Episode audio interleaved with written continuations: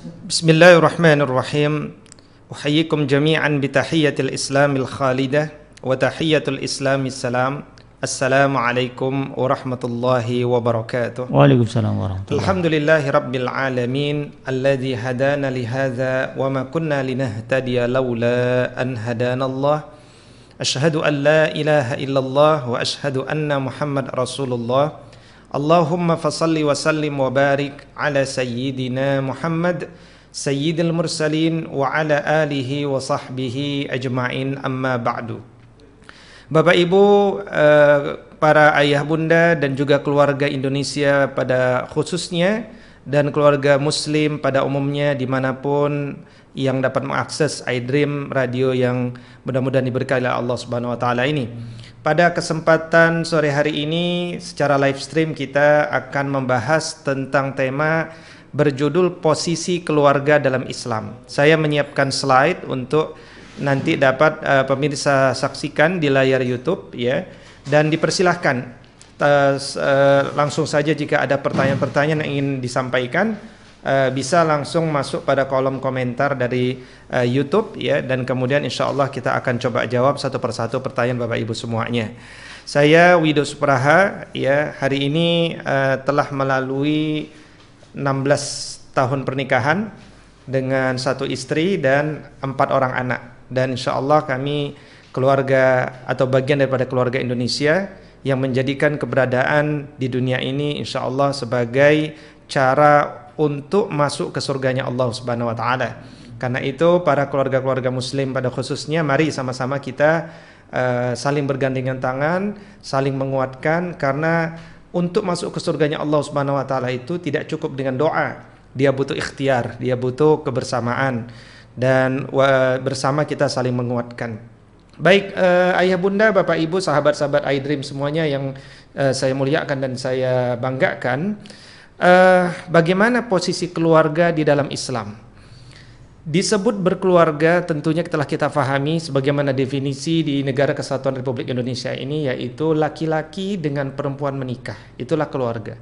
Dan definisi ini harus kita jaga uh, sahabat semuanya jangan sampai uh, kita mengikuti negeri-negeri barat ya yang telah menjadikan keluarga itu bukan hanya satu laki-laki dan satu perempuan tetapi adalah satu laki-laki dengan satu laki-laki ataupun satu laki, ataupun satu perempuan dengan satu perempuan. Di sini LGBT, lesbian, gay, biseksual dan transgender telah memenangkan pertarungan pemikirannya. Karena itu kemudian keluarga di Indonesia adalah keluarga uh, yang menjadi bagian daripada harapan karena negara kesatuan Republik Indonesia ini adalah negara yang besar, negara dengan mayoritas umat Islam yang besar. Makanya merusak negeri yang besar ini mungkin agak sulit kalau melalui uh, pertempuran fisik, tapi dia akan mudah jika dimulai dengan menghancurkan sendi-sendi keluarganya. Dari mana uh, pekerjaan menghancurkan keluarga itu dimulai? Biasanya dihancurkan melalui pemikiran-pemikiran para pemudanya. Calon-calon pemuda-pemudi yang nanti akan menjadi keluarga ke depan. Apakah kemudian mereka jadi pemuda-pemuda generasi-generasi milenial yang senang berkeluarga, punya visi dalam berkeluarga, ya punya ilmu uh, sebelum berkeluarga ataukah mereka adalah uh, mengikuti jejak-jejak barat yang sudah meninggalkan institusi pernikahan, meninggalkan kehormatan keluarga dan seluruh adab-adab yang seharusnya tetap dijaga sampai kapan pun juga.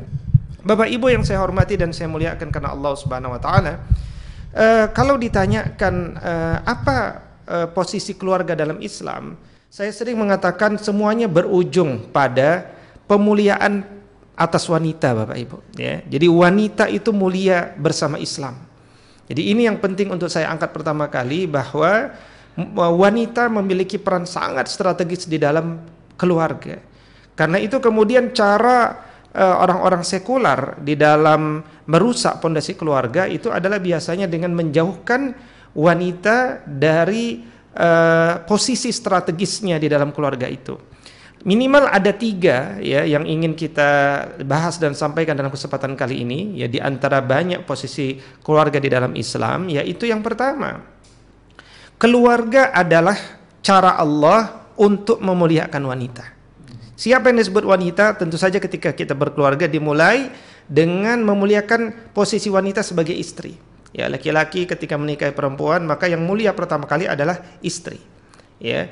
Maka kemudian uh, sebagai istri uh, wanita kemudian mendapatkan hak-hak yang terhormat. Mulai dari sebelum pernikahan uh, dia dijaga oleh orang tuanya. Ketika dia akan menikah dihantarkan oleh ayahnya, seorang pelindung yang luar biasa. Kemudian ketika uh, di, diambil oleh seorang laki-laki, maka diwajibkan memberikan mahar dan mahar itu adalah milik seorang wanita tersebut. Ya. Ketika nanti kemudian uh, wanita ini uh, wanita ini ditinggalkan suaminya, mungkin karena suaminya wafat, maka istrinya pun diberikan hak waris gitu ya. Ini semuanya diatur di dalam Islam di zaman di mana dunia belum ada yang mengatur masalah itu. Ya Bapak Ibu mau lihat mana? Mau lihat barat. Sama, barat tidak ada uh, penghormatan kepada wanita. Wabil khusus ya di abad sebelum Renaissance. Ya, abad sebelum kebangkitan di Perancis. Abad sebelum revolusi industri di uh, Inggris misalkan ya. Jadi ini memang beranjak dari apa namanya? dari cara berpikir orang Yahudi eh, mohon maaf, eh, cara berpikir Aristoteles yang sering dipegang oleh sebagian gerejawan di barat bahwa menurut Aristoteles itu wanita itu defect male. Wanita itu adalah laki-laki uh, yang gagal. Jadi Tuhan menciptakan laki-laki ya, Tuhan menciptakan laki-laki tapi gagal, jadilah perempuan. Makanya di antara abad 1 sampai abad ke-16 apalagi di penghujung tuh abad 14, abad 15 cukup masif diskusi-diskusi di berbagai university di barat untuk mendiskusikan misalkan tema-tema wanita ini uh, dia terdiri atas ruh atau ruh dan jasad gitu ya. Sampai kemudian ternyata suara terbanyak mengatakan wanita ini jasad saja. Ya, yang berkonotasi wanita ini hadir hanya untuk melayani lelaki gitu. Makanya kemudian posisi wanita di barat tidak terhormat sama sekali. Ya, dan ini mirip nanti kita akan kaji bagaimana posisi wanita sebelum Islam datang. Ya, hampir-hampir uh, dalam konteks yang berbeda ada kesamaan di sana. Berikutnya adalah keluarga adalah cara Allah untuk memulihkan wanita. Siapa? Ketika wanita yang yang menjadi istri tadi posisinya kemudian dia memiliki anak, maka pada posisi itu tentu dia otomatis menjadi seorang ibu. Dan Islam mengangkat derajat seorang ibu itu. Posisinya sangat strategis Ya, dan nanti kita akan sampaikan bagaimana penghormatan agama ini kepada ibu. Dan kalau kita lihat di keluarga-keluarga barat hari ini, posisi ibu maupun posisi ayah itu tidak lagi menjadi strategis, menjadi penting, khususnya ketika anak telah berusia 18 tahun ke atas. Jadi eh, secara umum ya secara mendasar barat itu eh, memposisikan uh, suami dan istri, ayah dan bunda hanya sekedar melahirkan kemudian membesarkan sampai umur 18 tahun itu pun dengan cara-cara yang uh, secara umum tidak sesuai dengan pandangan hidup Islam dan kemudian setelah umur 18 tahun mereka sebenarnya milik negara jadi tidak boleh diatur ya bahwa kemudian laki-laki dia bebas anak laki-laki dia bebas ke mana pun dia suka anak perempuan bebas memasukkan laki-laki yang dia suka ke dalam kamarnya dan itu semuanya dilindungi atas nama hak asasi manusia Gitu ya. Jadi uh, seorang ibu kalau kita ingin melihat bagaimana posisi ibu di barat, kita bisa lihat kita bisa datang ke rumah-rumah panti jompo ya. Kalau kita bisa kalau kita ingin lihat bagaimana posisi pemuda di barat, kita bisa da, bicara kepada para pemuda di sel-sel tahanan, bagaimana kemudian mereka uh, sangat mengkritik tentang bagaimana keluarga mereka telah mendorong mereka menjadi sosok-sosok seperti ini gitu ya. Tentu kita tidak ingin uh, keluarga-keluarga Indonesia adalah keluarga-keluarga yang mengikuti barat karena itu Barat pun sebenarnya telah menyadari persoalan ini. Karena itu Barat uh, cukup banyak uh, sekarang memiliki menteri uh, khusus bicara tentang rekonstruksi keluarga. Misalkan Family and Social Welfare Ministry ya. Jadi kementerian yang khusus membentuk ulang, merekonstruksi ulang keluarga karena mereka sadar keluarga di barat itu telah uh, hancur tatanannya dan sekarang pemikiran itu sudah masuk ke Indonesia, ke negeri mayoritas Islam. Karena itu umat Islam kalau tidak kalau kita tidak bicara dan menguatkan kembali konsep kita tentang keluarga, nah, tentu saja kita akan dapat mudah untuk uh, di, dikelabui atau kemudian akhirnya kita mengikuti dan mengekor daripada uh, pandangan hidup barat. Nah, berikutnya kemudian ketika seorang ibu punya anak, dan uh, katakan ada anak laki-laki dan anak-anak perempuan. Islam mengajarkan anak laki-laki dan anak perempuan sama-sama mulianya. Tetapi ketika bicara anak perempuan, ya nanti kita akan lihat bagaimana kemudian pemulihan agama ini kepada anak perempuan. Jadi bagaimana anak perempuan itu eh, betul-betul diberikan posisi yang terhormat sehingga memotivasi keluarga-keluarga muslim untuk bersabar ya untuk telaten ulet di dalam mendidik anak-anak perempuannya satu dua bahkan minimal tiga anak ke atas ya keluarga-keluarga Islam itu didorong untuk mencintai anak-anaknya karena ada motivasi keutamaan yang besar di dalam agama ini ya, ini uh, secara umum ya uh, bagaimana posisi keluarga di dalam Islam yang uh, berorientasi pada pemulihan pada wanita gitu ya. jadi tidak benar uh, Bapak Ibu sahabat semuanya agama itu seperti dituduhkan oleh uh, para penggerak feminis radikal, para penggerak yang katanya ingin memperjuangkan kebebasan wanita dan seterusnya. Sebenarnya mereka ingin menyesatkan wanita dan ingin menghinakan wanita dari tempat yang mulia. Dia ingin mengeluarkan wanita dari posisi terhormat mengikuti gerak wanita yang ada di barat. Nah, karena itu kemudian kita perlu uh, luruskan hal ini sehingga para uh, pemuda yang tidak faham dengan konsep keluarga berbasiskan Al-Quran dan As-Sunnah ya banyak mereka yang melihat eh, cerita-cerita uh, tentang keluarga itu sebenarnya dengan pandangan hidup barat ya bahwa agama itu penyebab langgengnya budaya patriarki misalkan. Bahwa dominasi laki-laki dalam perempuan itu tidak boleh terjadi.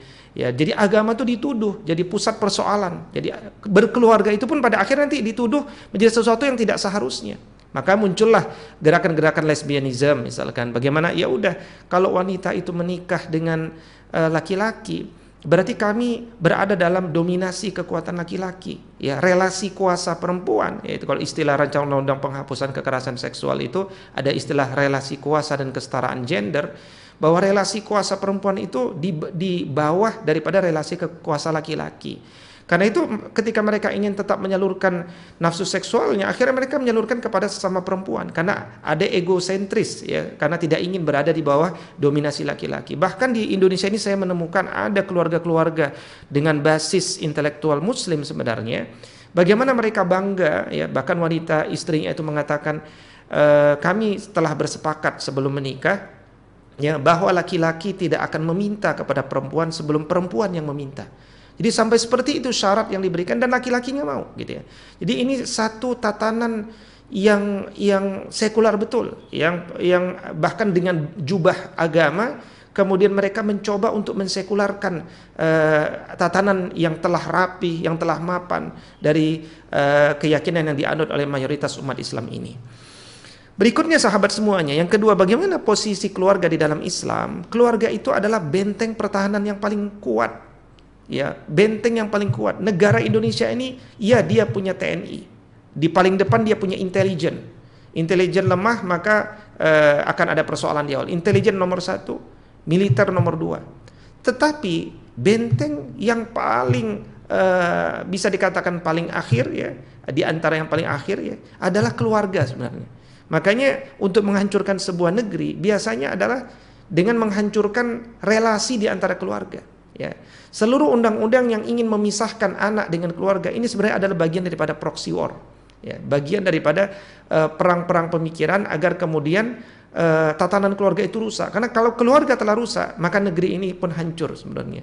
Karena itu ketahanan keluarga, kita perlu dorong rancangan undang-undang ketahanan keluarga ya eh, undang-undang yang dibutuhkan untuk menguatkan kembali ketahanan daripada keluarga ya karena memang keluarga kita sedang berada dalam ancaman yang yang besar ya makanya muncul uh, uh, apa namanya gerakan narkoba luar biasa ya uh, kemudian dominasi seks bebas ya kemudian pelajaran-pelajaran seks bebas kemudian materi-materi pornografi ya dan seterusnya dan masyarakat kemudian dibuat apatis dan pragmatis dengan Eh, hal-hal uh, yang sifatnya benar maupun salah, halal ataupun haram, baik maupun buruk.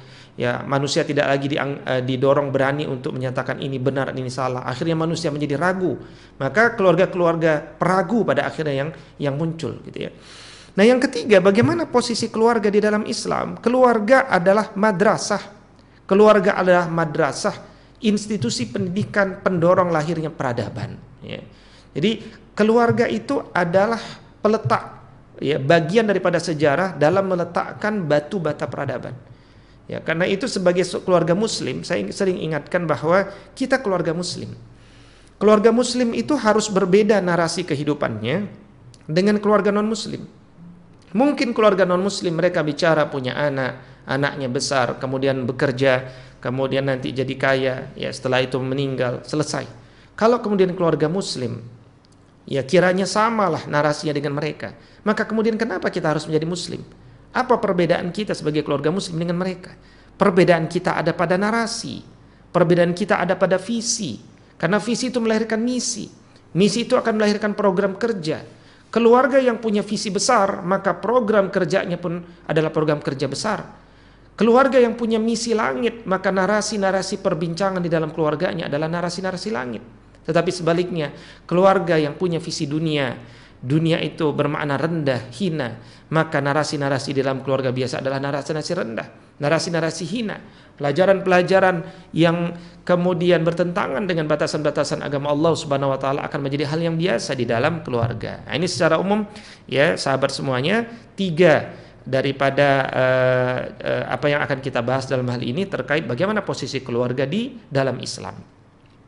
Baik, uh, sebelum Islam bagaimana? Tadi saya sempat singgung bagaimana di Barat ya, di Barat bagaimana di masyarakat Yunani, Yunani yang sering dibanggakan oleh Barat itu ya. Uh, George Sarton sendiri seorang bapak sejarah sains dunia dan banyak tokoh sejarawan yang jujur lainnya mengatakan bahwa Yunani kuno itu berakhir dengan kerusakan moralitas. Ya, bagaimana uh, di antara pakar-pakar filosof mereka sampai dengan jelas mengatakan bahwa prostitusi, pelacuran adalah bagian daripada olahraga harian bagi kami. Sementara istri yang halal adalah untuk melahirkan zuriat yang halal bagi kami. Jadi iya dia tahu ada ada tempat untuk melahirkan zuriat halal, tapi ternyata dia juga membolehkan untuk berolahraga dengan melalui proses uh, prostitusi misalkan. Dan itu menjadi filsafat dasar Yunani. Bahkan Yunani kemudian melegalisasi LGBT dan seterusnya. Jadi apa yang dibanggakan dari pemikiran Yunani sebenarnya, ya? Padahal Barat itu tidaklah mengenal pemikiran Yunani kecuali ketika mereka berinteraksi dengan uh, kepemimpinan peradaban uh, sains uh, Islam ya di abad ke-8 hingga abad ke-15 ya.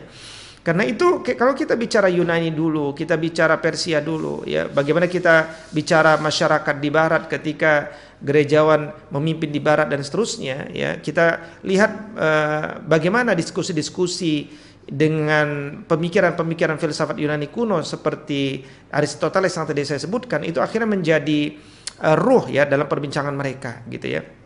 Uh, bahkan misalkan yang menarik adalah Parlemen Inggris itu pada tahun 1805 berarti kan abad 19 ya. Itu sampai men, uh, apa men, uh, um, apa namanya mengeluarkan peraturan bahwa laki-laki itu boleh untuk menjual istrinya dan telah ditentukan harga istri itu 6 bins di sana ya setelah sebelumnya parlemen Inggris pernah mengeluarkan keputusan di masa uh, Raja Henry ke-8 yang melarang wanita itu membaca kitab mereka, melarang perjanjian membaca perjanjian baru. Kenapa? Karena wanita itu dianggap termasuk najis, ya. Bahkan kita lihat ya pada akhirnya di zaman modern ini wanita e, didorong untuk keluar dari rumah setelah usia 18 tahun agar kemudian dia dapat memulai uh, aktivitasnya di luar rumah dengan bekerja dan untuk mendapatkan sesuap nasi untuk untuk hidup dan seterusnya ya dan kemudian akhirnya kalau kita lihat uh, banyak sekali wanita-wanita yang kemudian menjadi uh, buruh pabrik dalam hal ini sehingga kemudian mereka meninggalkan tugas-tugas besarnya dalam membangun peradaban misalkan gitu ya. Nah, bagaimana kemudian uh, wanita Islam uh, wanita di masa Islam. Jadi kalau yang kita tadi sebutkan cerita di Barat, ini adalah kisah ketika uh, posisi wanita berada dalam kepemimpinan agama itu, dan dan itu bukan Islam. Nah, tetapi uh, kondisi yang sama itu dalam konteks yang berbeda terjadi di Arab jahiliyah itu justru ketika Islam belum masuk. Ya. Kalau kita lihat bagaimana misalkan hal yang paling mahal dalam Jaziratul Arab itu kan sebenarnya air. Maka eh, sumber-sumber air itu kalau bisa dikuasai, maka terbentuklah community. Nah, community ini akhirnya perlu dipertahankan. Makanya uh, pertahanan militer ya saling uh, berperang, saling bunuh membunuh itu akhirnya adalah menjadi satu kebiasaan dan tradisi. Nah wanita itu nggak bisa berperang. Wanita itu kalau tertangkap kemudian dapat memalukan dan akhirnya muncul satu konsep bahwa yang namanya wanita itu kalau lahir udahlah daripada memalukan kalau udah besarnya karena tertangkap tertawan ya jadi masalah kita kubur saja hidup-hidup ya. Jadi dapat kita lihat Bapak Ibu di dalam Quran surat An-Nahl ayat 58 59 ya disebutkan oleh Allah Subhanahu wa taala wa idza busyira ahaduhum bil unsa zalla wajhu muswadda wa huwa kazim dan apabila seseorang dari mereka diberikan kabar kelahiran, eh anakmu lahir ya, ya anakmu sudah lahir, alhamdulillah misalkan uh, uh, selamat anakmu telah lahir, siapa dia? Laki-laki atau perempuan? Anaknya perempuan. Bukannya kemudian bahagia orang dulu, ya jadi pemikiran mereka diubah, ya akhirnya merah padamlah wajah orang-orang Arab dulu, ya merah padam karena sangat marah, karena tidak suka. Kenapa yang lahir kemudian anak perempuan tidak laki-laki? Tidak tidak laki-laki. Maka kemudian mereka pun menyembunyikan diri dari orang banyak, malu ditanya-tanya, ya, karena bagi mereka itu berita yang buruk, ya. Dan dia bingung apakah kemudian dia akan memelihara dengan menanggung kehinaan seumur hidup ataukah akhirnya menguburkan ke dalam tanah hidup-hidup, ya. Nah, inilah yang berada di dalam pemikiran orang-orang Arab dulu, ya. Sehingga akhirnya apa yang kita ketahui? Bagaimana kemudian akhirnya mereka banyak yang memutuskan untuk menguburkan anaknya hidup-hidup. Sampai seperti itu. Dan karena itu posisi wanita tidak terhormat sama sekali sebelum Islam. Tidak punya hak waris, diperjualbelikan, tidak ada mahar. Kalau kemudian uh, katakan ditinggal suaminya mungkin bisa dinikahkan oleh uh, anak angkatnya atau siapa pun yang kemudian uh, uh, ya artinya mereka memiliki konsep-konsep tersendiri. Nah, bagaimana setelah Islam hadir? Ya, setelah Islam hadir, istri sangat terhormat. Ya, istri posisinya menjadi sangat terhormat Kata Nabi sallallahu alaihi wasallam, khairukum ya sebaik-baik kalian khairukum li ahlihi adalah yang paling baik dengan keluarganya. Wa ana khairukum li ahli dan aku adalah orang yang paling baik bagi keluargaku. Ini dalam hadis riwayat Imam At-Turmuzi nomor 3895 ya. Jadi eh, bahkan dalam redaksi yang lain Nabi Shallallahu alaihi wasallam menjelaskan bahwa di antara parameter uh, seorang uh, muslim itu tauhidnya baik sekali, imannya sempurna. Itu di antaranya adalah kesempurnaan akhlaknya yang nanti dicirikan dengan kebaikan pada keluarganya. Kata Nabi sallallahu alaihi wasallam, "Akmalul mu'minina imanan ahsanuhum khuluqa." Ya, sebaik uh, sesempurna iman seseorang itu adalah ketika dia semakin baik uh, semakin bagus akhlaknya. Itu teori ya, itu teori. Jadi masih abstrak. Kalau bagi kita itu masih abstrak, Nabi coba detailkan ya. Apa yang disebut sebagai ahsanhum khuluqa? Ya. Kata Nabi wasallam kalau itu masih abstrak, khairukum khairukum uh, linisaihim. Ya. Dan sebaik bagi kalian adalah yang paling baik bagi istrinya. Oke, okay. Apa paling baik bagi istrinya mungkin itu masih terasa konsep, masih terasa abstrak. Apakah ada yang lebih detail lagi? Ada dan banyak sekali. Itulah kenapa Nabi SAW menjadi role model. Nabi menikahi wanita supaya kita belajar bagaimana eh, hal-hal uh, detail terkait uh, konsep yang dianggap abstrak itu. Bagaimana turunan baik menurut agama dilihat dari kehidupan Nabi beserta istri-istrinya. Misalkan dalam sebuah pesannya Nabi Shallallahu Alaihi Wasallam menjelaskan bahwa juluran tanganmu laki-laki kepada mulut istrimu dalam kondisi dia masih sehat, bukan dalam kondisi sakit. Ya, artinya engkau menyuapi istrimu ya dengan cinta, dengan romantis, bukan karena terpaksa, bukan karena sakit, maka itu adalah sodakoh. Nah, jadi itu jadi satu standar kebaikan.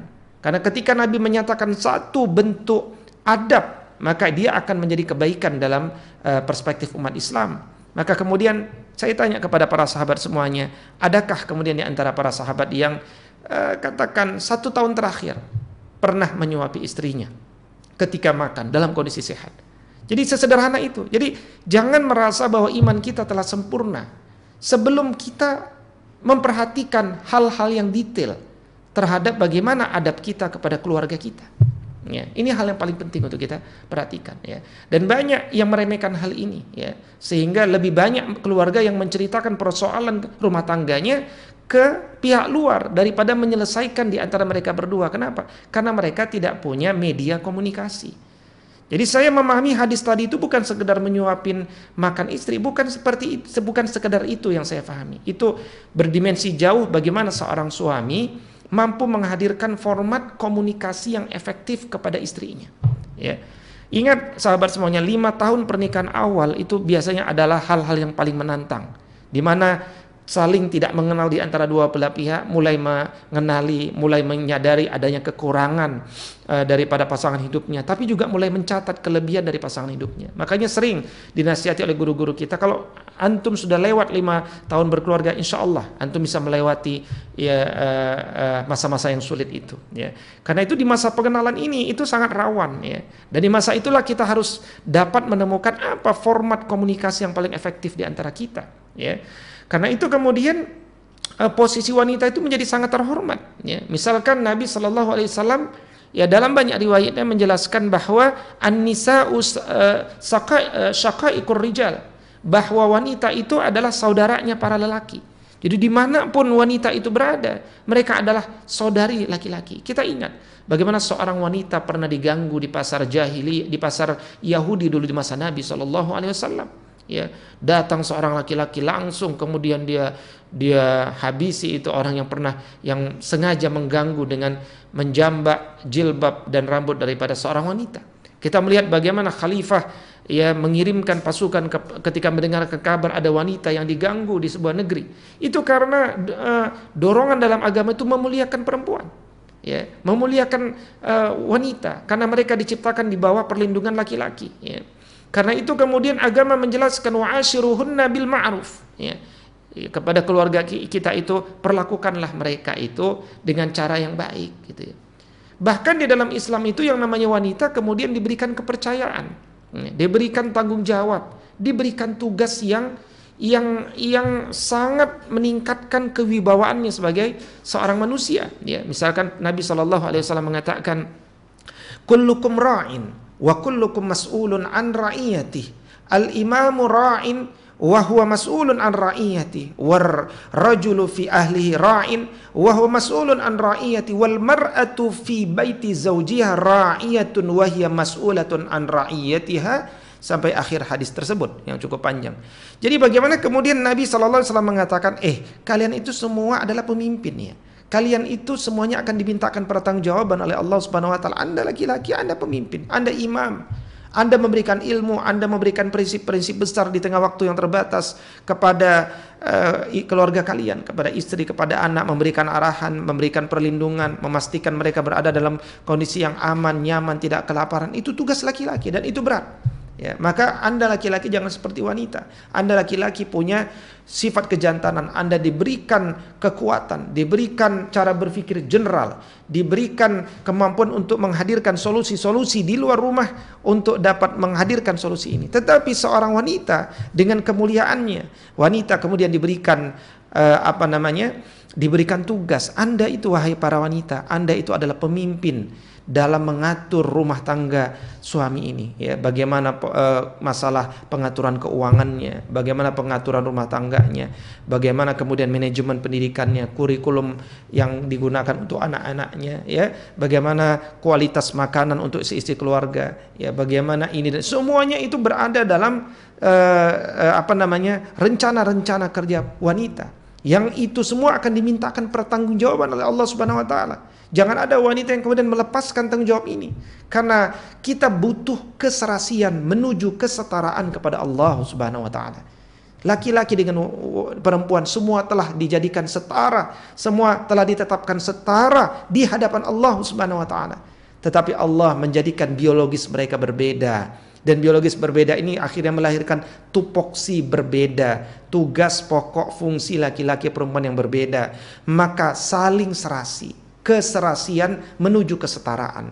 Ketika kita menghilangkan keserasian, maka bagaimana mungkin kita mengharapkan kesetaraan di hadapan Allah Subhanahu wa taala, ya. Berikutnya, setelah Islam, ya, ketika seorang wanita telah menjadi istri, Mudah-mudahan bagi yang belum memiliki anak, saya doakan sahabat semuanya dapat segera dititipi oleh amanah yang berat. Anak itu adalah amanah yang berat. Tapi insya Allah ketika Allah menitipi uh, kita anak, yakinlah La yukallifullahu nafsan illa wus'aha. Tidak mungkin Allah membebani kita dengan beban yang kita tidak mampu untuk memikulnya. Maka kita pasti mampu. Persoalannya apakah seorang wanita, seorang laki-laki dia hidup untuk meningkatkan kapasitas dan kemampuannya untuk menjadi seorang ayah dan ibu yang baik yang memiliki kurikulum yang faham tentang ilmu pendidikan untuk melahirkan generasi beradab, generasi yang membanggakan Nabi sallallahu alaihi wasallam. Nah, itu tentu jawabannya ada pada waktu yang kita habiskan dalam waktu-waktu luang kita. Tetapi ketika seseorang wanita itu katakan dia tidak punya ilmu sekalipun, bahkan meskipun dia seorang non-muslim sekalipun, agama ini tetap mengatur bagaimana ibumu itu mendapatkan tempat yang terhormat dan harus dihormati oleh seorang muslim, ya. Bagi seorang ibu muslim, ya, ibu itu sangat dimuliakan di dalam agama ini. Ya, suatu ketika jaa rajulun ila Rasulillah sallallahu alaihi wasallam, faqal, man ahaqqun nasi bi husni sahabati. Suatu ketika datang kepada Rasul sallallahu alaihi wasallam dan kemudian bertanya, "Ya Rasulullah, siapakah sosok yang paling berhak untuk aku berikan kebaikan akhlakku kepadanya?" Qala ummuka Nabi SAW mengatakan ibumu. Qala summa man? Kemudian siapa ya Rasulullah? Qala summa ummuka. Kemudian ibumu. Qala summa man? Kemudian siapa lagi ya Rasulullah? Qala summa ummuka. Kemudian ibumu. Qala summa man? Kemudian siapa ya Rasulullah? Qala summa abuka.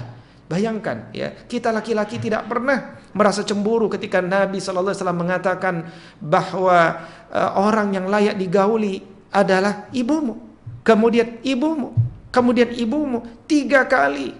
Dan dan laki-laki di zaman Nabi tidak ada yang protes. Tidak ada yang ingin mengatakan, saya ingin setara ya Rasulullah. Saya ingin setara dengan para wanita. Kenapa mereka diperlakukan? Kenapa dari empat ini nggak dua-dua saja biar seri? Tidak ada. Karena laki-laki itu faham. Ya, manusia semua faham bahwa betapa beratnya mengandung seorang anak itu wahnan ala wahnin wa fisaluhu fi amain dia membawa ke sana ke sini dengan penuh berat dengan resiko kematian melahirkannya dengan dengan janji mati syahid dan kemudian ketika lahir dia harus menyusui selama 2 tahun 24 bulan Masya Allah. Itu sesuatu yang berat. Dan laki-laki belum tentu mampu dan pasti tidak mampu untuk melakukan itu. Ya. karena itu kemudian laki-laki sadar ada tupoksi yang berbeda di sana gitu ya. Karena itu laki-laki pun mendorong, justru mendorong. Ya, kalau antum lihat nanti Quran surat Luqman ayat ke-13 hingga 19 di antara nasihat-nasihat ayah yang bernama Luqman dan itu layak narasi-narasi dari Luqman itu nasihat-nasihat itu layak untuk disampaikan kepada untuk dikopi ya untuk di kita ulangi nasihat itu kepada anak-anak kita bagaimana seorang ayah menasihati untuk berbakti kepada ibunya kepada istri kita ya Makanya jadilah laki-laki yang marah betul kalau ya ibunya tidak dihormati oleh anaknya. Kitalah laki-laki suami yang melindungi. Kita didik anak kita agar dia berkata lemah lembut kepada ibunya, agar kemudian dia punya adab kepada ibunya. Jadi dan dan ketika laki-laki menegakkan itu, maka anak pun akan belajar ternyata laki-laki itu dihadirkan untuk menegakkan adab, untuk membiasakan adab-adab yang baik di antaranya kepada wanita. Ya, akhirnya jadilah anak-anak laki-laki di keluarga-keluarga kita tumbuh besar sebagai anak laki-laki yang jantan, anak laki-laki yang kemudian melindungi uh, wanita yang ada di sana, ya, dan seterusnya. Dan karena itu kemudian Nabi Shallallahu Alaihi Wasallam mengatakan, uh, Allah Subhanahu Wa Taala katakan, misalkan di dalam Al Quran surat Al Isra ayat ke-23, Allah katakan, wa rabbuka alla ta'budu illa iya wa walidaini ihsana imma yablughanna indakal kibara ahaduhuma aw kilahuma fala taqul lahumā uffin wala tanharhuma wa qul lahumā qawlan karima. Rabbmu telah memerintahkan kepada kalian supaya kalian jangan menyembah kepada Allah. Ini namanya tauhid. Tapi setelah Allah ingatkan tentang tauhid, ciri orang yang beriman, orang rajin sholat, rajin puasa, rajin zakat, itu harus harus harus juga wajib juga. Jadi dia wajib sholat, maka wajibnya sholat kecintaannya pada sholat, maka dia adalah sama, yaitu dia juga memperhatikan kedua orang tuanya. Birrul walidain. Ya, berapa banyak di antara kita hari ini yang rajin sholat, terlihat taat, tetapi membiarkan orang tuanya berada di panti jompo misalkan. Ya, tidak mau mengetahui kesulitan orang tuanya misalkan. Agama mengajarkan ciri engkau bertauhid itu adalah di antaranya berbaktilah kepada kedua orang tuamu, ibumu maupun bapakmu. Jadi bagaimana kemudian e, ibu bapak ini sampai mereka tumbuh besar, jika kedua-duanya sampai berumur lanjut, mungkin dua-duanya atau mungkin kita diberikan kesempatan salah satu dari antara keduanya, maka e, hendaklah mereka berada dalam pemeliharaan kita, ya. Karena itu kemudian Kata Nabi Wasallam suatu ketika, rahima anfu, sungguh celaka. Kenapa ya Rasulullah? Ada tiga tuh waktu itu, ya, yaitu pertama salawat, yang kedua uh, Ramadan yang di yang disia-siakan. Orang diam, ya ada Ramadan tidak tidak memaksimalkan, ada salawat mereka tidak menjawab, ada orang tua hidup bersama mereka di dunia ini, meskipun mungkin beda provinsi, beda pulau, tapi keberadaan orang tuanya itu tidak dimanfaatkan betul untuk masuk ke surganya Allah Subhanahu wa taala. Sungguh celaka kata Nabi, sia-sia. Nggak ada lagi nanti jalan bagi kita untuk uh, mendapatkan hal yang mudah untuk masuk ke surganya Allah Subhanahu wa taala. Nah, berikutnya yang kedua, setelah Islam uh, masuk ya, apa yang kemudian terhormat? Anak wanita pun menjadi terhormat. Ya. Anak wanita menjadi terhormat ya. Kata Nabi Shallallahu alaihi wasallam, siapa yang punya tiga anak wanita?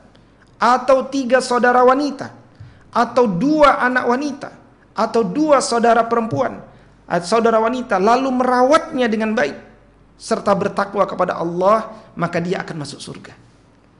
Ya. Jadi masya Allah wanita, anak wanita, saudara wanita. Kalau laki-laki itu hadir untuk merawat mereka, melindungi mereka, itu jalan mereka masuk ke surganya Allah. Para feminis sering bilang, kenapa itu agama? Ya ini biasanya para aktivis perempuan-perempuan liberal yang mulai banyak di negara kesatuan Republik Indonesia ini. Mereka mengatakan, kenapa waris itu perempuan itu dapat satu bagian laki-laki dapat dua bagian? Ya, tapi mereka nggak nanya sama ulama. Mereka protes di koran-koran, keliru. Kalian belajarlah dalam agama ini, bertanya kepada ahlul ilm, bertanya para ulama. Jangan kalian rusak agama. Karena kalau kalian nanti mati, siapa yang akan bertanggung jawabkan keburukan kalian di hadapan Allah Subhanahu wa taala?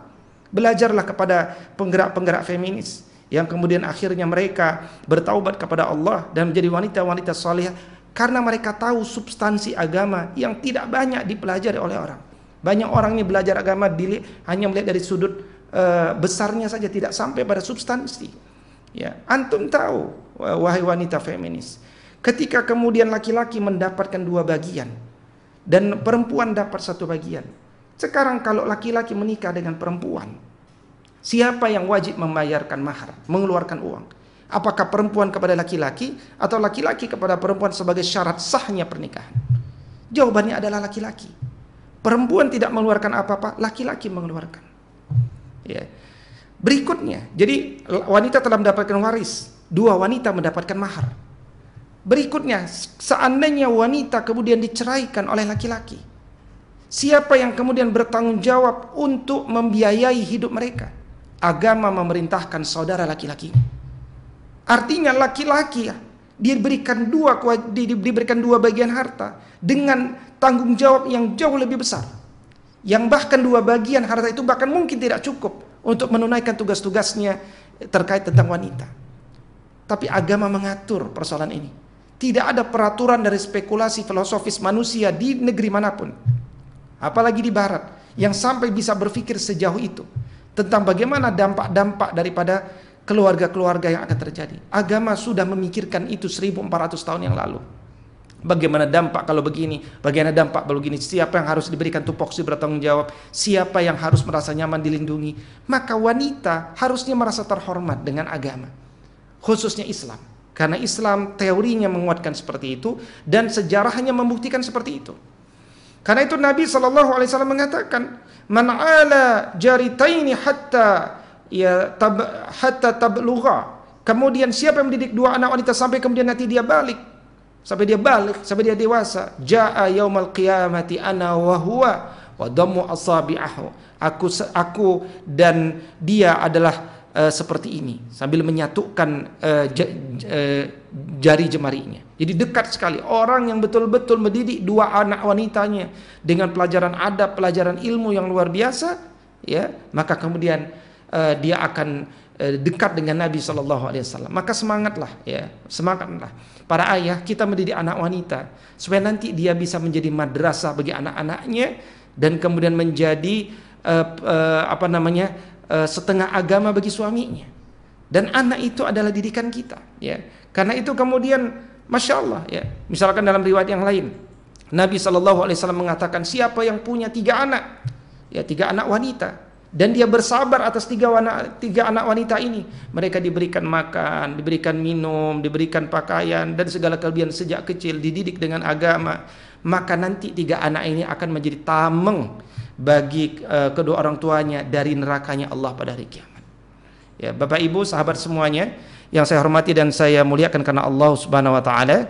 Uh, sekarang pukul 16.45 waktu Indonesia Barat. Silakan para ayah bunda para uh, suami istri, para sahabat-sahabat semuanya, para pemirsa radio iDream uh, atau iDream TV. Uh, eh, bagi uh, Anda yang memiliki pertanyaan, kami persilakan untuk dapat mengajukannya di kolom chat ya insya Allah uh, satu persatu pertanyaan akan kita jawab. Baik. Baik, jazakumullah Ustaz atas segala uraian dan juga pembahasan terkait dengan tema kita pada hari ini yaitu uh, posisi keluarga di dalam Islam.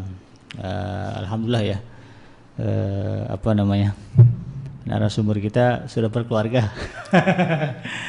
Jadi menceritakan itu based on pengalaman gitu.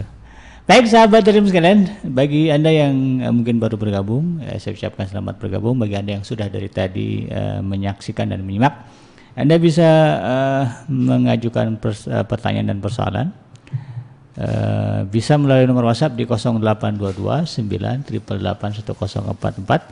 ataupun Anda boleh langsung menulis pertanyaan di kolom komentar bagi Anda yang menyaksikan kita melalui channel YouTube. Insya Allah kita akan bacakan dan kita akan kupas tuntas bersama dengan narasumber kita yaitu Dr. Wido Supraha. Baik Ustadz, ini sudah ada pertanyaan. Saya utamakan dulu yang dari nomor WhatsApp Ustadz ya. Uh, ini uh, pertanyaannya Eh, saya bacakan. Assalamualaikum, izin bertanya kepada Ustaz Wido. Eh, bagaimana ya ada dua pertanyaan Ustaz. Yang pertama adalah eh, bagaimana kalau ada laki-laki dewasa yang tidak bisa bertanggung jawab terhadap keluarganya? Apakah ada yang salah ketika pengasuhan dilakukan? Yang kedua adalah bagaimana pandangan Islam terhadap istri yang bekerja dari Ukti atau Ibu Ayu di Depok. Silakan. Yang pertama dulu tadi apa? Yang pertama adalah bagaimana kalau ada laki-laki dewasa yang tidak bisa bertanggung jawab terhadap keluarganya? Apakah ada yang salah ketika dia diasuh dulu? Ya, nah, Bismillahirrahmanirrahim. Uh, tugas seorang ayah dengan bunda adalah memastikan proses yang baik dan benar selama hidupnya. Hmm. Jadi laki-laki dalam keluarga muslim harus dididik menjadi laki-laki dan semakin laki-laki. Perempuan di dalam keluarga muslim harus dididik menjadi semakin perempuan, bukan sebaliknya. Menjadi semakin laki-laki dalam fisiknya, dalam ilmu kemiliterannya, dalam wawasannya, ya, dalam emosinya dan juga dalam kapasitas ilmu dan adabnya.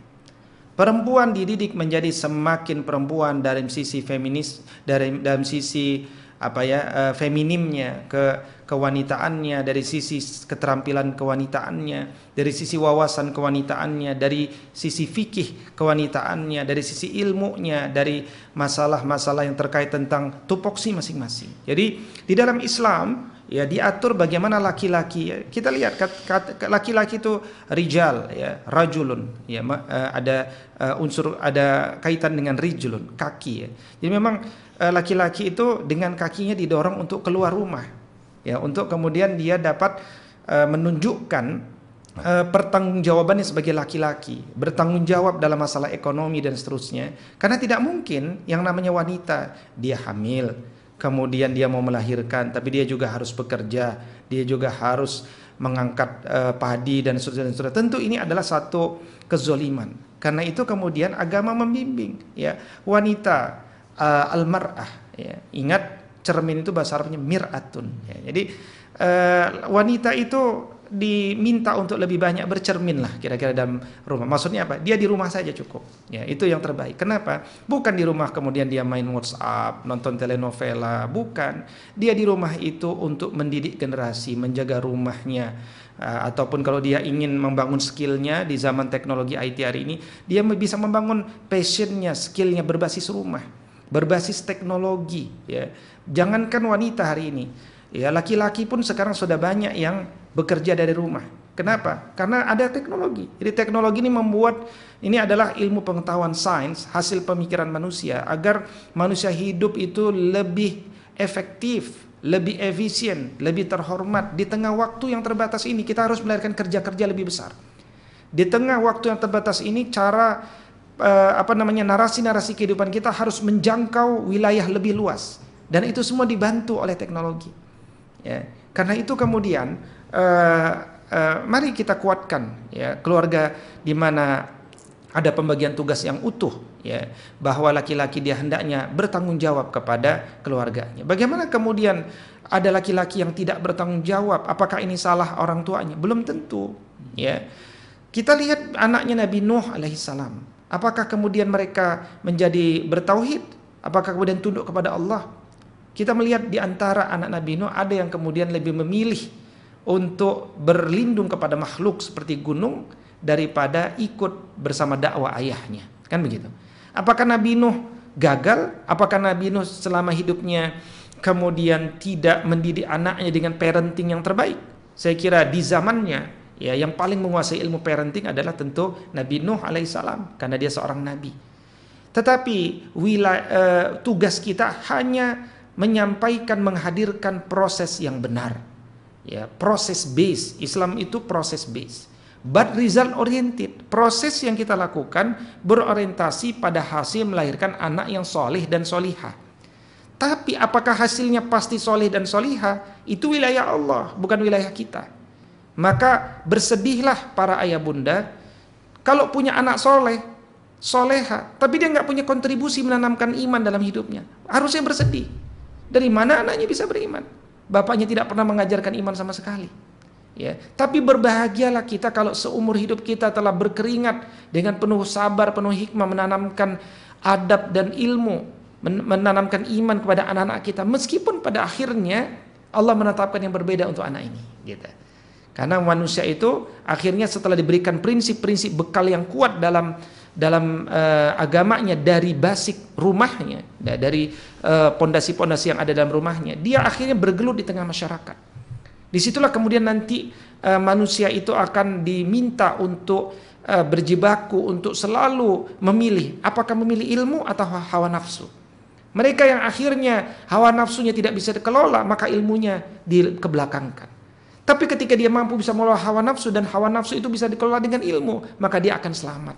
Karena itu laki-laki yang tidak bertanggung jawab adalah laki-laki yang hawa nafsunya tidak bisa dikelola sehingga lebih tinggi daripada uh, apa namanya daripada ilmunya. Ini yang pertama, ya.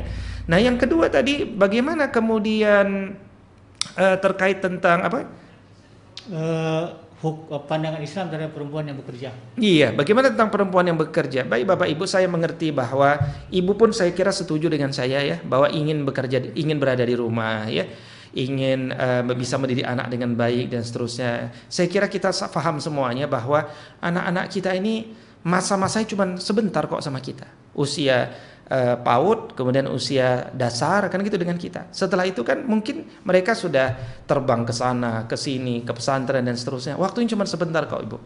Ya, karena itu membiasakan adab-adab baik itu adalah kewajiban bagi orang yang punya ilmu. Nah ini sering kita lupa, sering kali kita menitipkan anak kita mungkin mohon izin kepada para asisten kita ya, yang mungkin bahkan dia juga belum pernah berkeluarga, dia juga masih muda, dia belum memiliki bahkan dia tidak memiliki pendidikan yang tinggi, ya dia punya kebiasaan-kebiasaan yang buruk. Maka sebenarnya kita sedang menanamkan adab dia kepada anak kita.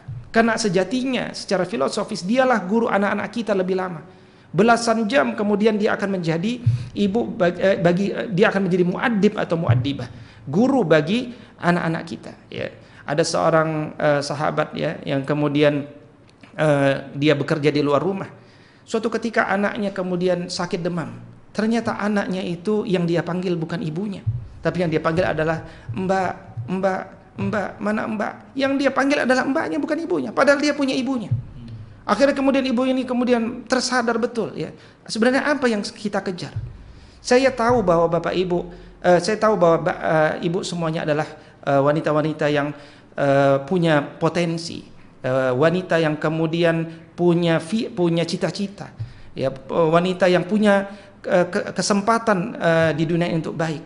Tetapi kita tidak sedang uh, uh, diminta memilih, tetapi kita sedang bicara bahwa ya uh, kita ketika memiliki anak, anak ini adalah titipan Allah dan dia sebentar bersama kita. Apakah kemudian kebersamaan ini kita sia-siakan? Apakah kemudian kita ingin menjadi orang yang banyak bahagia di usia muda, tetapi kemudian akhirnya menjadi menjadi manusia yang menyesal dan menangis di usia tua? Ya, ataukah sebaliknya kita banyak menangis di usia muda, ya, uh, tetapi kemudian insya Allah kita menjadi uh, wanita yang puas dan bahagia di usia tua. Nah, tentu ini nanti pilihan-pilihan bagi kita. Karena itu kemudian bersama kecerdasan dan pengalaman para ibu sekalian, saya kira kita bisa membahas apa solusi yang terbaik bagi eh, keluarga-keluarga kita agar seorang anak tidak kehilangan sosok ibunya, seorang anak juga tidak kehilangan sosok ayahnya. Ya, jadi diskusi ini bukan hanya pada ibu, pada ayah. Ayah yang ditugaskan untuk bekerja di luar rumah, ternyata 14 dialog pendidikan di dalam Al-Quran dari 17 dialog yang ada itu ditujukan untuk laki-laki. Betapa banyak laki-laki hari ini yang kemudian sering mengatakan bahwa urusan pendidikan urusanmu wahai perempuan. Engkaulah yang harusnya mendidik anakmu. Saya cari kerja. Keliru. Anda tidak pernah tadabur Al-Quran. Baca Quran. Dialog Al-Quran mengingatkan kepada laki-laki untuk terlibat dengan dunia pendidikan anak-anaknya dan itu membutuhkan dialog-dialog. Makanya coba para ayah nanti belajar apa 14 dialog dalam Al-Qur'an itu. Kalau Anda tidak punya narasi, Al-Qur'an memberikan narasi itu, ya. Karena itu uh, kami di kampus itu sampai pernah berpikir, yuk kita buat uh, program pasca sarjana keluarga sakinah PKS, program keluarga sakinah. Itu sudah digagas tuh oleh salah satu uh, ketua prodi waktu itu ya, Dr. Adian Husaini ya. Jadi yuk kita buat dan peminatnya sudah banyak. Kenapa? Untuk mendidik generasi ini bahkan kita butuh uh, sekelas doktor pendidikan kalau bisa. Magister pendidikan, masya Allah. Coba kalau mendidik generasi beradab itu kan nggak main-main, ya Bahkan eh, di program kampus kami itu di program doktoral pendidikan yang kuliah itu bahkan sekarang banyak yang profesor kuliah lagi. Doktor hukum kuliah lagi. Kenapa? Karena mereka ingin belajar ilmu pendidikan. Karena ilmu pendidikan itu penerapannya luas di mana-mana. Ya, penerapannya luas di mana-mana. Jadi untuk mendidik generasi itu, kita bahkan bukan sekedar bicara, saya mau keluar rumah, boleh nggak bekerja di luar rumah? Bukan, bahkan lebih tinggi lagi. Kita harus punya kapasitas lebih untuk dapat menjadi ibu yang baik. Kita harus punya ilmu yang luas.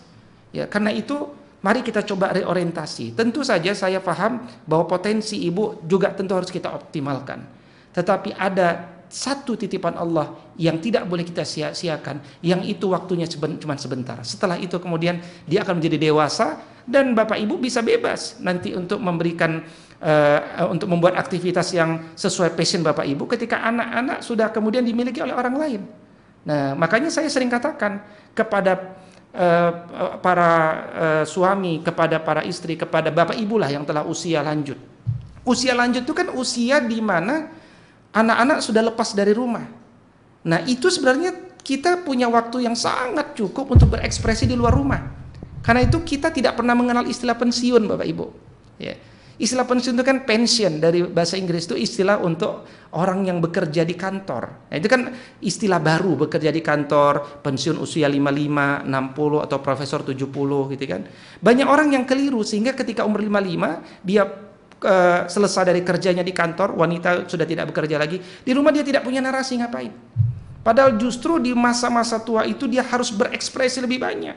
Ya, Bapak Ibu bisa lihat slide yang saya tampilkan di layar ini dari tiga fase kehidupan ya dari tiga fase kehidupan tugas kita adalah 20 tahun pertama anak kita kita sukseskan ya sehingga kemudian anak ini 20 tahun kedua bisa menjadi sosok yang bisa berekspresi dengan ilmunya Nah kita di 20 tahun terakhir Bapak Ibu Ini adalah waktu bagi kita untuk menyebarkan ilmu Makanya jangan pernah ada di rumah 20 tahun terakhir Kita bergerak untuk melakukan amal-amal filantropi Bergerak untuk mengedukasi melahirkan gerakan-gerakan yang dapat memberikan jariah bagi kita. Itu yang akan membuat kita lebih sehat dan hidup.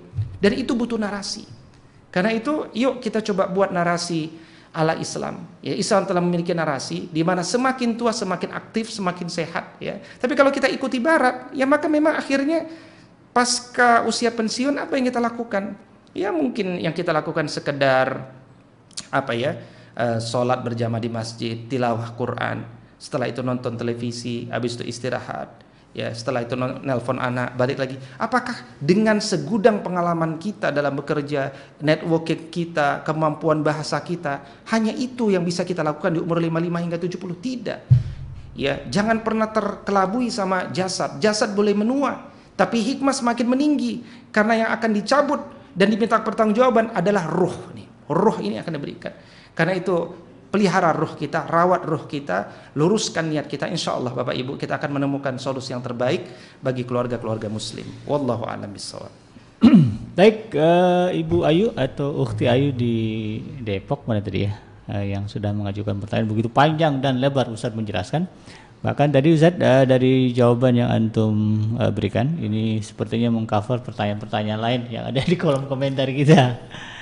Uh, baik Ustadz, uh, mudah-mudahan Ibu Ayu bisa dipahami ya. Dan kalau boleh saya tambahkan uh, bekerja apa menjadi ibu rumah tangga itu bekerja juga itu ya, jangan dianggap nganggur. Ya, karena orang berpikir uh, apa kerjaannya di rumah aja padahal sebetulnya bukan tidak bekerja tetapi menjadi ibu rumah tangga, mengurus anak dan sebagainya adalah sebuah pekerjaan juga ya. Bahkan lebih berat dibandingkan pekerjaan-pekerjaan lain. Uh, baik, Ustadz, kita beralih ke pertanyaan berikutnya. Ini terkait dengan uh, 14 narasi yang Anda sebutkan tadi. Ada pertanyaan dari akun YouTube atas nama Ibu Ina. Ini jamaah tetap kita Ustaz. Afwan Ustaz 14 jarok dalam Al-Quran terhadap anak ini bisa dilihat di surat apa saja Ustaz? Uh, terima kasih gitu ya. Iya, Bismillahirrahmanirrahim. Uh, bisa ada di surat apa saja. Saya coba cari slide-nya di mana saya pernah ya menyampaikan itu ya. Uh, tetapi kemudian secara umum ya nanti mungkin saya bisa sampaikan di Telegram ya karena itu butuh tabel ya. Saya pernah buat tabelnya. Uh, tetapi dapat bisa dilihat secara umum dia adalah dialog Luqman, dia dialog Ibrahim alaihissalam, dia dia dialog daripada Nabi Zakaria alaihissalam ya dan seterusnya. Jadi uh, bagaimana kemudian dialog-dialog uh, itu uh, hadir untuk membantu para ayah bunda supaya ah alhamdulillah saya sudah dapatkan slide-nya ya. Ya. Atau kita buat di sesi pekan depan. Boleh, tapi uh, ditampilkan saja. Mungkin oh, gitu, ibu ya, ini siap. penasaran gitu kan? Oke. Okay. Nah nih, jadi judulnya apa? Sudah terbiasakah berdialog dengan Ananda? Okay. Ya, jadi 14 dialog ayah, dua dialog bunda, dan satu dialog ayah bunda yang tidak diketahui siapa ini merujuk siapa nih ayah bunda ini siapa ya. Ada yang menduga dia merujuk kepada seorang sahabat dan seterusnya tapi ini masih diskursus. Tetapi uh, ada yang menduga ini merujuk kepada Abdurrahman bin Abu Bakar radhiyallahu taala anhu di masa awal. Namun juga Sayyidah Aisyah istri Rasulullah sallallahu alaihi radhiyallahu taala anha menolak. Bukan itu bukan cerita tentang dia itu diskursus. Tapi ala kulli hal yang penting kita gali apa? Bagi saya adalah narasi apa yang yang kalau banyak keluarga hari ini kehilangan narasi, hmm. ingin sih nasihati sama anaknya, tapi nasihat apa yang diberikan, gitu kan? Nah, karena itu Al-Quran itu our main reference, dia memberikan panduan kepada kita ini loh narasi-narasi yang bisa disampaikan. Ya tentunya uh, uh, ini tidak bisa cukup ya, dikaji ya, dalam waktu hmm. satu dua menit, karena akan ada banyak sekali ya pelajaran yang bisa diambil dari dialog Nabi Yakub, Nabi Ibrahim, Nabi Shu'aib ya dan seterusnya. Hmm. Jadi ini jawabannya, alhamdulillah. Dan demikian. Baik, uh, tapi yang jelas nanti kita akan bicarakan dengan uh, tim kita. Insya Allah pekan depan Ustaz hadir juga kan? Insya Allah, Insya Allah. insya Allah Ustaz Wido akan hadir setiap hari Kamis petang. Nanti kita akan angkat uh, tema tentang dialog ini agar kemudian bisa kita tadaburi bersama sehingga kemudian akan semakin banyak keluarga-keluarga muslim yang memiliki izah. Nah, itu yang kita harapkan. Baik Ustaz, uh, kita Beralih ke pertanyaan berikutnya. Ini dari nomor WhatsApp Ustaz. di nomor uh, 0812 sekian sekian. Assalamualaikum Ustaz. uh, tadi disinggung tentang pembagian warisan. Nah, ini agak beralih nih Ustaz dari temanya sedikit. Bagaimana hukum pembagian harta warisan sama rata antara laki-laki dan perempuan? Karena uh, itu uh, menjalankan pesan atau wasiat dari ayah sebelum wafat. Nah, gimana nih Ustaz? Bismillahirrahmanirrahim. Prinsip kita dalam berislam adalah la ta'atan li makhluqin fi ma'siyatillah. Hmm. Tidak ada ketaatan kepada makhluk dalam bermaksiat kepada Allah Subhanahu wa taala. Jadi wasiat siapa pun selama dia bertentangan dengan Al-Qur'an dan As-Sunnah tidak berhak ya dan jangan khawatir ya jangan khawatir katakan apa misalkan saya khawatir mendapatkan ini dan itu tidak yang memberikan uh, uh, kebaikan pahala maupun hukuman adalah Allah Subhanahu wa taala. Yeah. Karena itu berpegang teguhlah pada apa yang ditetapkan oleh Allah Subhanahu wa taala. Karena Al-Qur'an juga mengatakan apakah ayahmu itu pernah belajar ilmu waris misalkan. Hmm. Apakah nenek moyangmu itu adalah seorang yang berilmu? Kan belum tentu. Hmm. Karena itu kemudian kebenaran itu bukan karena dia ayah kita dan bukan karena dia nenek moyang kita, tetapi karena ilmu gitu ya. Hmm. Karena itu innama yakhsyallaha min ibadihil ulama. Orang-orang berilmu itu akhirnya dia tunduk tapi kalau orang itu nggak berilmu, dia ikut hawa nafsu. Ya. Ada orang damai dengan hawa nafsu. Ya Ustaz, saya damai dengan hawa nafsu. Bukan. Kita da jangan damai dengan perasaan. Makanya jangan baper, jangan bawa perasaan gitu ya. Tapi bawalah ilmu. Ke mana pun kita berada, saya akan berpegang teguh dengan ilmu. Saya damai dengan ilmu. Saya bahagia bersama ilmu. Nah, ilmu itu yang menerangi cahaya. Ilmu itu, tidak pernah habis. Kata Nabi Wasallam, di antara ilmu yang paling pertama hilang menjelang hari kiamat itu adalah ilmu waris gitu ya. Hmm. Jadi e, ketika hari ini banyak keluarga yang tidak pakai ilmu waris, nah itulah sebenarnya kita sedang membenarkan prediksi Nabi Shallallahu alaihi wasallam. Karena itu ketika kita bicara ilmu waris, tugas kita cuma ngitung, bukan buat aturan. Ya, e, aturannya sudah dibuat. Ya, persentasenya sudah dibuat ya kelipatan persekutuan terkecil antara pembilang dan penyebut sudah ditetapkan dalam ayat 11, 12, 13 dan ayat 176 dari surat An-Nisa. Kita tinggal pegang kalkulator, tinggal pegang kertas sama pulpen, tinggal dihitung berapa tuh jumlahnya. Karena di balik setiap perintah Allah ada maslahat. Ada kebaikan, ada rahmat dan ada keberkahan. Innallaha ma'as sabirin. Allah itu bersama orang-orang yang sabar. Sabar apa? Sabar dalam menjalankan ketaatan kepada Allah. Sabar dalam mencegah diri dari bermaksiat kepada Allah. Tapi kalau kita tidak bersabar, artinya kita tidak membersamai ilmu, maka Allah nggak bersama kita. Nah kalau Allah nggak bersama kita, Allah akan uji kita dengan berbagai persoalan problematika dalam rumah tangga kita. Hmm. Karena itu kemudian mari eh, dakwahkan keluarga-keluarga kita bahwa ya memang yang namanya sama rata itu semua senang, semua bahagia. Tapi Allah tidak bahagia. Kita ingin berpegang pada kebahagiaan Allah, mengejar kebahagiaan Allah, atau berpegang kepada kebahagiaan keluarga kita. Demikian Bapak Ibu, mudah-mudahan insya Allah berakhir dengan uh, kebaikan. Ya. Wallahu a'lam bishawab. Jadi bagi penanya tadi, keberkahan Allah, keberkahan Allah itu lebih uh, penting, lebih utama daripada kemudian banyaknya jumlah materi dari warisan yang kita dapat begitu. Jadi kalau berkah insya Allah uh, akan menambah kebaikan. Uh, baik Ustaz, kita lanjutkan ke pertanyaan berikutnya. Ini dari siapa ini? Di, di kolom komentar kita Ustaz. Saya baca pertanyaan dari Bab uh, siapa? Akun atas nama Ramdhani Sampur, uh, Sampurna. Ustadz, bagaimana caranya membangun mindset seorang anak perempuan agar dirinya tahu dan paham tentang pentingnya membangun peradaban Islam dalam kehidupan di masa depannya itu? Uh, bukan hanya anak perempuan ya saya kira, tapi anak laki-laki juga okay. ya. Jadi anak laki-laki, anak perempuan itu perlu mindset ya.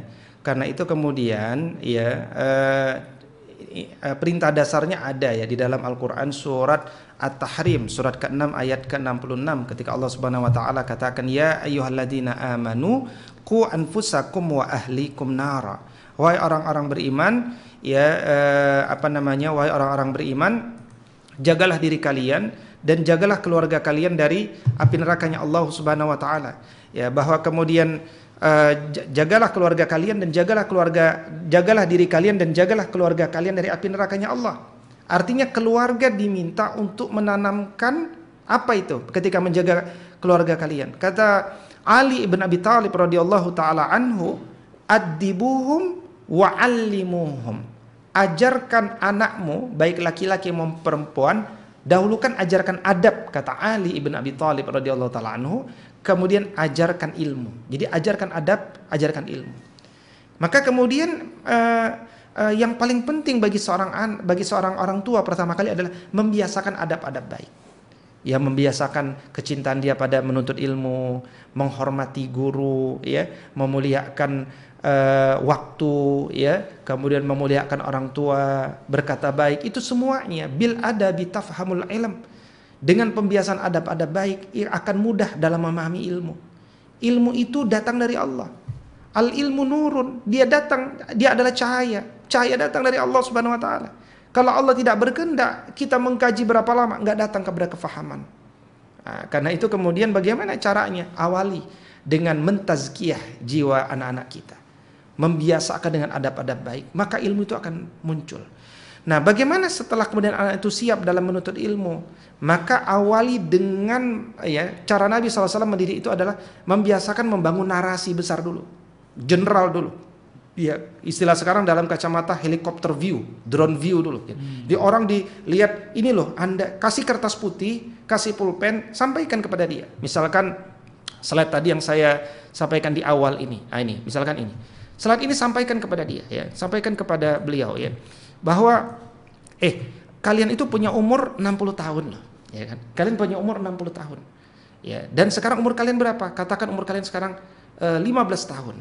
Ya Dulu sahabat Nabi Shallallahu Alaihi Wasallam berhasil dididik oleh Nabi kurang lebih rata-rata umur 20 tahun mereka udah jadi pejuang hmm. dengan berbagai kompetensi standar kalau istilah sekarang standar kelulusan siswa SKL hmm. dari bidang pendidikan itu luar biasa. Contoh ya, contoh yaitu ketika Nabi Shallallahu Alaihi Wasallam menjelang wafat masih sempat membentuk pasukan jihad dipimpin oleh uh, Usama bin Zaid radhiyallahu taala yang waktu itu umurnya 18 tahun. Jadi anak umur 18 tahun menjadi pimpinan pasukan jihad. Apa yang terjadi? Pastilah anak ini punya fisik yang kuat, punya kemampuan militer, punya uh, yaitu uh, keseimbangan emosi. Nggak boleh jadi pemimpin emosian di tengah pasukan yang ribuan. Dan yang lebih berat lagi adalah anak ini pasti punya kapasitas pemimpin.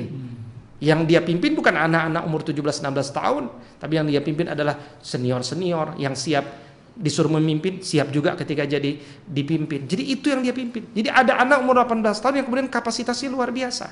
Ya. Jadi uh, sampaikan narasi dia bahwa kita hidup cuma terbatas di muka bumi. Kalau Anda ingin umur 40 sampai 60 tahun menjadi orang yang akhirnya lebih banyak menyebarkan ilmu, seperti Nabi Shallallahu Alaihi Wasallam dan para Nabi menjadi Nabi kan umur 40 tahun makanya dalam Quran surat Al-Ahqaf 46 ayat 15 diingatkan itu angka 40 tahun itu ya supaya orang itu di umur 40 tahun itu betul-betul uh, berubah orientasi berpikirnya nah tapi tidak katakan dia berubah orientasi berpikirnya tapi dia nggak punya pengalaman dia tidak punya jaringan Ya, dia tidak pernah menikmati apa yang dia lakukan dan setiap yang dia lakukan selama ini enggak berdasarkan ilmu. Maka apa yang akan dia berikan di umur 40 tahun ke atas? Makanya banyak yang tua-tua keladi makin tua makin menjadi gitu. Maka di umur 40 sampai 20 tahun, kalaulah sampai umur 20 tahun dia memiliki ilmu, maka 20 sampai 40 ini Allah berikan ya eh, puncaknya kegantengan, puncaknya kecantikan, ke puncaknya kekuatan jasad supaya apa? Supaya bisa mereka mereka bisa mengamalkan ilmu di atas apa yang mereka fahami. Jadi sampaikan narasi ini sehingga nanti mereka memahami kenapa ya saya harus punya narasi. Jadi kalau kita tidak menanamkan narasi ini, saya ketemu eh, sahabat semuanya dengan pemuda-pemuda yang bahkan sudah kuliah S1 tapi tidak punya narasi. Misalkan ketika ditanya, "Kapan mau nikah?" Ya, sedapatnya aja Ustaz. Umurnya berapa? 26 tahun. Masya Allah. Umur 26 tahun nggak punya narasi. Kapan mau menikah? Dan pasti ada persoalan dalam narasi berpikirnya. Dan saya sudah duga dan benar. Ketika saya tanya, apa prinsip hidupmu? Kata dia, ya enjoy aja Ustadz seperti air yang mengalir gitu kan. Jadi bayangkan ya kalau Bapak Ibu baca kitab At-Tibyan fi Adabi Hamalatil Qur'anil Karim. Imam An-Nawawi dulu telah menjelaskan bahwa ilmu itu nggak cocok untuk orang yang tinggi hati dan air itu tidak karena air itu tidak pernah uh, uh, tidak pernah berjalan ke tempat yang tinggi. Ya, air itu nggak pernah berjalan ke tempat tinggi. Ya, jadi kalau filosofis kita seperti ada yang mengalir, kita nggak akan bisa membuat rencana-rencana yang terbaik karena kita ngikut arus saja ke mana, terbawa arus. Akhirnya apa? Enjoy menikmati hidup, mumpung hidup masih muda, maka nikmati saja. Kehilangan narasi. Maka kita potong sejarah itu dengan apa? Dengan dialog. Makanya ayah bunda kita perlu dialog, apalagi kalau anak-anak kita mau izin sudah SMP, sudah SMA, apalagi di masa milenial ini ya, kita semi kolonial gitu ya. Kita kemudian uh, banyak yang tidak terbiasa berdialog dengan anak-anak kita. Banyak yang kemudian menganggap pemikiran pemikiran-pemikiran anak-anak kita itu uh, apa namanya persoalan besar. Enggak. Selama anak kita mau berdialog dengan kita, nikmati apa pemikiran-pemikiran mereka se seaneh apa pun ya. Karena yang penting dia enjoy diskusi dengan kita dan e, coba arahkan, berikan dia narasi. Orang yang tahu kenapa dia harus hadir di muka bumi ini, maka dia akan menjalankan tugasnya di muka bumi ini. Karena itu hadirkan visi, ya maka dia akan punya misi. Ya, e, tetapkan misi maka dia akan punya program kerja. Dan kalau orang itu telah menuliskan program kerja yang telah dia ingini, maka bukankah hidup sekedar menjalankan uh, tulisan daripada program kerja yang dia tetapkan, ya. Demikian Bapak Ibu. Wallahu a'lam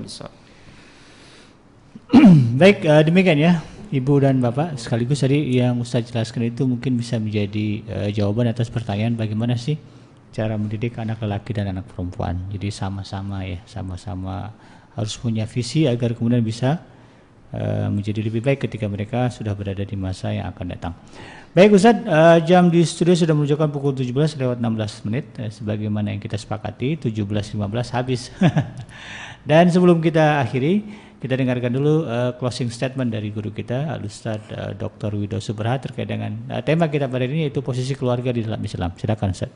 Bismillahirrahmanirrahim. Sahabat iDream yang mudah-mudahan dimuliakan oleh Allah Subhanahu wa taala.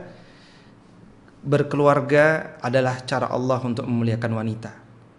Baik dalam posisi wanita sebagai istri, kemudian wanita sebagai seorang ibu, dan kemudian ketika uh, wanita atau orang tua memiliki anak, semua wanita dalam Islam akan menjadi terhormat. Jangan percaya dengan narasi-narasi dari Barat yang punya pengalaman buruk tentang wanita, karena itu berpegang teguhlah pada teori konsep pelajaran dari Islam yang tidak sekedar teori tapi juga didukung oleh fakta sejarah yang kuat khususnya mulai dari abad ke-7 hingga abad ke-15 kalau tidak ingin dikatakan hingga abad ke-20 karena di situ ada tahun 1924 ketika runtuhnya khilafah Turki Utsmani ya maka kemudian rawatlah keluarga kita Bapak Ibu karena keluarga itu kalau wanitanya kuat di balik kesuksesan laki-laki itu ada wanita yang kuat di baliknya di balik kesuksesan satu keluarga adalah adanya keharmonisan dan komunikasi efektif di antara suami dengan istri. Kuatnya komunikasi suami istri ini adalah awal dari posisi keluarga sebagai benteng terkuat ya, benteng pertahanan kuat, terkuat dalam konteks kita, eh, benteng pertahanan terkuat dalam negara kesatuan Republik Indonesia. TNI sendiri menyadari apa yang mereka sulit melawan hari ini adalah proxy war dan proxy war itu di antaranya sekarang masuk melalui keluarga, ya, melalui pemikiran, melalui narkoba, melalui tontonan, melalui hal-hal yang membuat rusaknya sendi-sendi berkeluarga. Karena itu mari jadikan keluarga dalam posisinya sebagai madrasah pendorong peradaban. Keluarga kita narasinya harus terikat betul dengan peradaban Islam yang sekarang sedang hilang. Khususnya sejak zaman Renaissance abad 17 atau sejak revolusi industri 1.0 uh, abad 18 jangan terlalu bangga kita bicara revolusi industri 4.0 society 5.0 karena ini terkait tentang definisi barat ketika mereka menegakkan uh, uh, apa namanya supremasi mereka ketika mereka meninggalkan jejak-jejak Tuhan di barat Justru kita umat Islam harus kembali merebut dengan narasi-narasi kita bahwa apa yang disampaikan oleh Barat itu belum ada apa-apanya dibandingkan kegemilangan Islam. Maka yuk kita rebut kembali peradaban Islam itu dengan elegan, dengan ilmu, dengan il hikmah, dengan dakwah, dengan teladan daripada keluarga-keluarga muslim dari negara kesatuan Republik Indonesia. Aku lu qouli hadza wa astaghfirullah li wa lakum wallahu muwaffiq ila aqwamit thariq. Assalamu alaikum warahmatullahi wabarakatuh. Waalaikumsalam warahmatullahi wabarakatuh. Demikianlah uh, tuntas sudah kebersamaan kita dalam program Ngaji From Home di mana kita sudah mendengarkan uraian dari guru kita terkait dengan tema posisi keluarga dalam Islam. Mudah-mudahan bisa uh, difahami dan dimanfaat, uh, diambil manfaat uh, dan bisa diaplikasikan dalam kehidupan kita sehari-hari. Uh, sebagai penutup saya BKJ beserta kru yang bertugas uh, mengucapkan mohon maaf atas segala kekurangan dan kita tutup dengan doa kafir majelis subhanaka allahumma rabbana wa bihamdika Asyhadu an la ilaha illa anta astaghfiruka wa atubu ilaik. Walhamdulillahirabbil alamin. Billahi taufiq wal hidayah. Assalamualaikum warahmatullahi wabarakatuh.